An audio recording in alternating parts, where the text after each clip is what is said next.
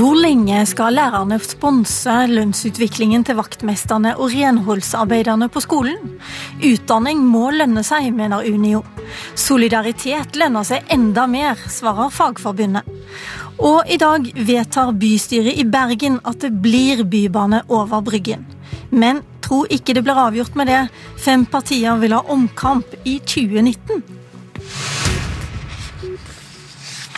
Velkommen til Politisk kvarter, Steffen Handal, til vanlig leder i Utdanningsforbundet, men i disse lønnsforhandlingsdager så er du også forhandlingsleder for eh, Unio. Hvorfor fortjener lærerne høyere lønnsøkning enn vaktmesterne på skolene nå ved oppgjøret i år? Jeg tror det er viktig å si at når jeg og Mette setter oss ved forhandlingsbordet i KS, eh, så gjør vi allerede en solidarisk handling når vi sier at eh, lønnspotten som vi skal forhandle om, den skal være om lag på samme nivå som det i privat sektor.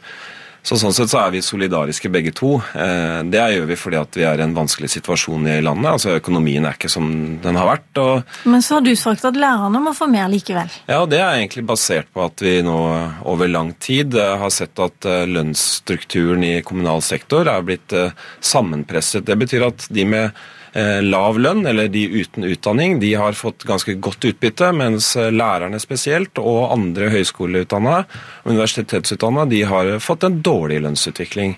Så rent sånn for at oss alle skal forstå det, som ikke følger lønnsforhandlingene så tett, så er det sånn at eh, vaktmesterne og renholdsarbeiderne har fått ganske bra uttelling.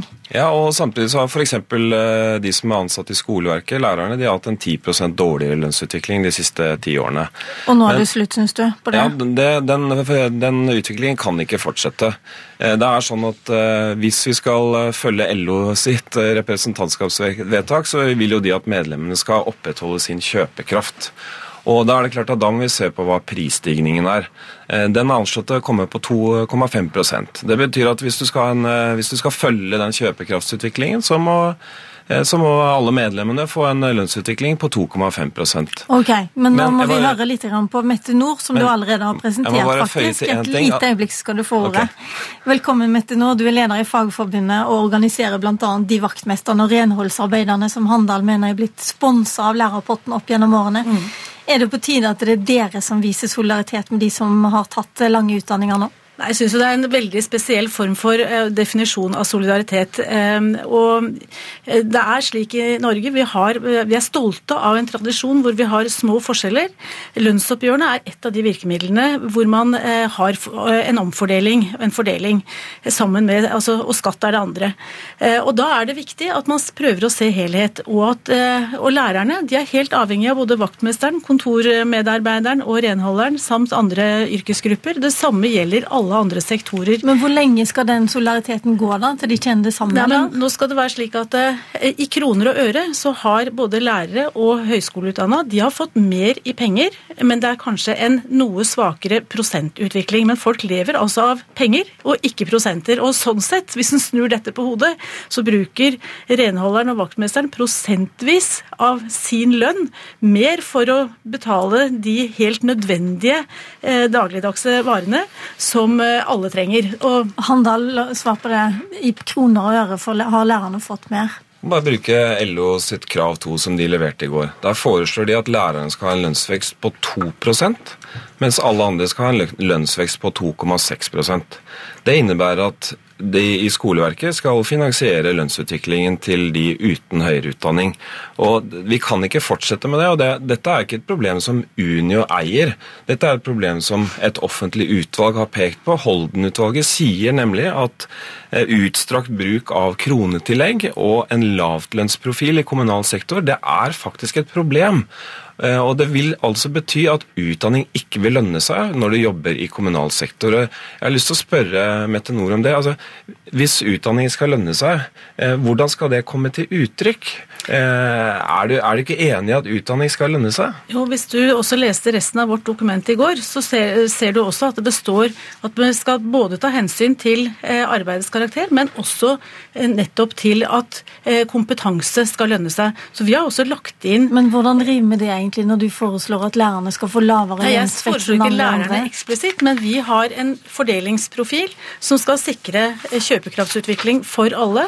Og vi ønsker ikke at man skal i innføre en lønnsstruktur som Utdanningsforbundet og Unio nå foreslo, med en struktur som systematisk går Eh, hver sin vei. Sånn at fagarbeidere og eh, de uten formell kompetanse systematisk får en negativ lønnsutvikling, mens de andre eh, får en høyere. Og Da har, tror vi, vi har, at man må se helheten. Men ja, det er riktig, bare for å forklare det, så er poenget det at du vil ha en egen forhandling de, for de som har høyere utdanning, Handal? Ja, fordi at vi har sett på en utvikling. Altså Den, den utviklingen som, eh, som, Mette Nord nå fortsatt uh, krever overfor KS, den har ført til at de med høyere utdanning har kommet dårligere ut. Vi kan ikke fortsette sånn.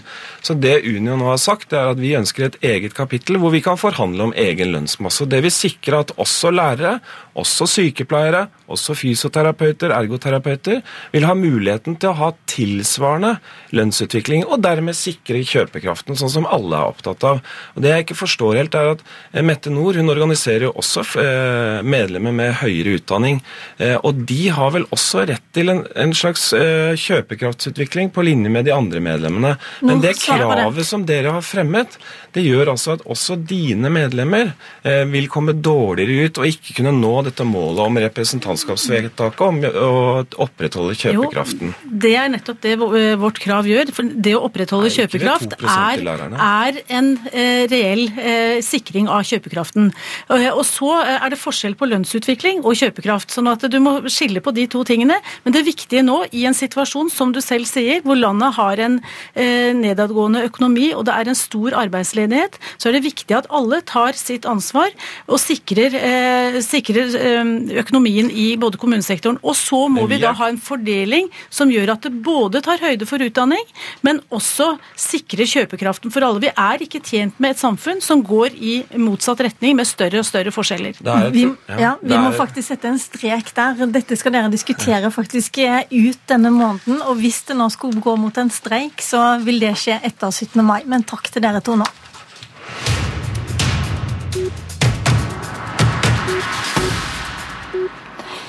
I dag vedtar bystyret i Bergen at Bybanen til Åsane den skal gå over Bryggen.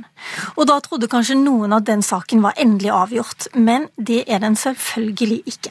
For nå kommer du, Henning Warloe, fraksjonsleder for Høyre i Bergen og fire andre partier, og kommer med enda et nytt forslag om bybane i tunnel.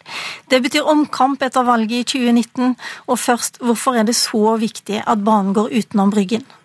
Eh, det handler selvfølgelig om å skåne Bryggen, som er et verdensarvsted, eh, for store inngrep. Men det handler også om eh, å gi Åsane, en stor bydel på ca. 50 000 mennesker, en raskere baneløsning.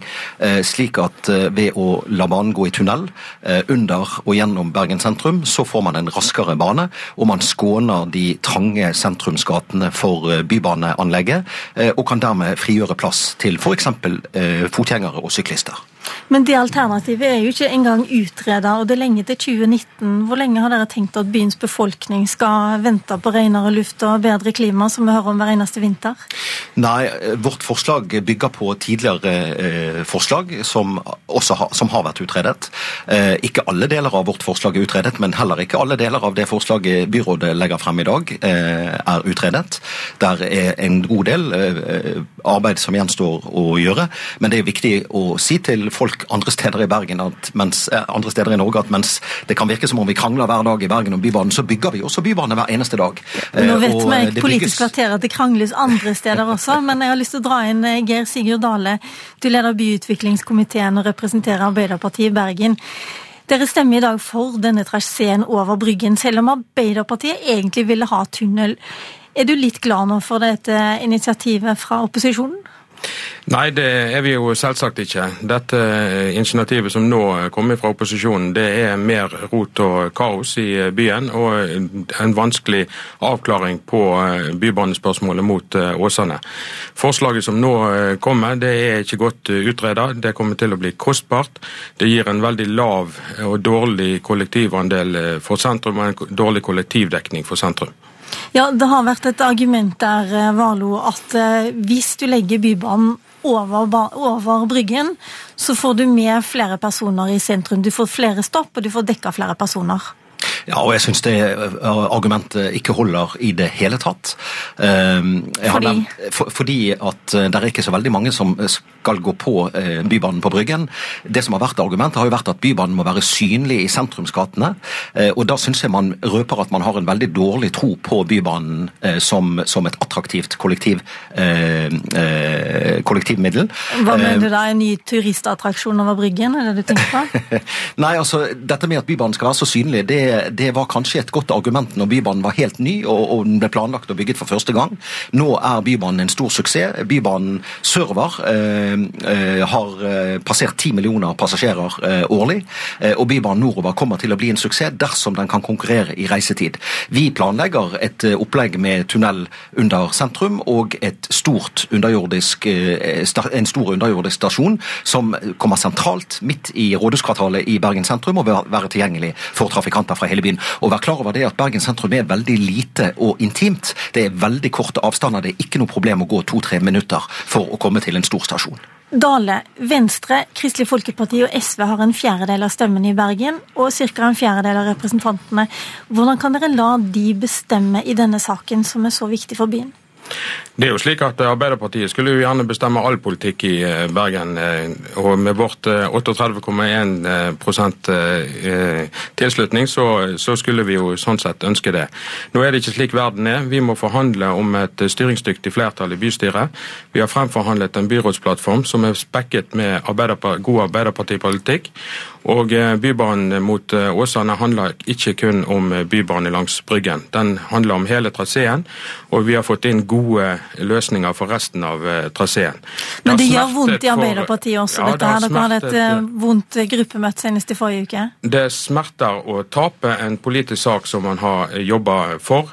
Men når vi ser helheten og hensynet til at byen skulle få et styringsdyktig flertall, så har det ikke vært vanskelig å jobbe for den løsningen som nå blir vedtatt i bystyret i dag. Varlo, Det pikante i denne saken er jo at den forrige ledelsen i Bergen Høyre var sterkt overbevist om at traseen måtte gå over Bryggen. Og hvis det var dere KrF og Venstre ville jobbe med i byråd, så hadde kanskje resultatet blitt det samme? Nei, det tror jeg nok eh, jeg kan eh, garantere at det ikke ville blitt. Eh, Høyre var gjennom en veldig opprivende intern strid knyttet til Bybane og Bryggen, det er helt riktig.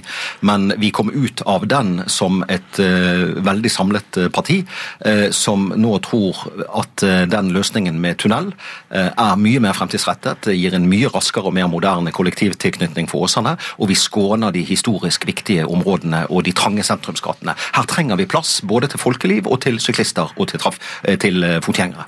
Men Hvordan ser du for deg at dette skal foregå? Eh, nå vedtas traseen over Bryggen. Skal dere liksom i 2019 med eventuelt nytt flertall rive opp de der sporene og så starte på nytt? Er veldig i tvil om det vil være mulig å bygge noen spor over Bryggen eller andre steder på denne strekningen før 2019. Vi har jo allerede fullt trykk på planleggingen av neste, den neste, neste bybanelinjen som skal gå til Aukland sykehus og Fyllingsdalen. Og der skal byggestarten være i 2018. Så gjenstår det jo å finansiere og planlegge videre Bybanen nordover til Åsane. Dette vil ta tid, og det var grunnen til at vi valgte valgte å satse på eh, Fyllingsdalen først, okay. eh, og ikke Åsane, fordi at her gjenstår det mye tid både til planlegging og ikke minst også arkeologiske undersøkelser. Men Dale, hva gjør dere nå? Legger skinnene så fort som fy? Vi eh, jobber for å bringe en bybane til Åsane som raskt som mulig. Eh, vi kan ikke lenger vente på et Høyre som ikke blir enig med seg sjøl. Det forslaget de har lagt frem i dag, det viser i all tydelighet at de fortsatt ikke er enig med seg sjøl. Det er jo litt underlig å sitte og høre på en eh, nylig avgått byråd for byutvikling som kjempet knallhardt for en løsning langs Bryggen fram til valget i fjor. Sitter her nå og argumenterer mot det. Det må få være siste ord i den debatten. Jeg registrerer at Bergens Tidende fire av seks intervjuer der sier at nå må noen bli ferdig, politikerne må ta en beslutning. Ferdig er dette Politiske kvarter, som var ved Lilla Sølhusvik.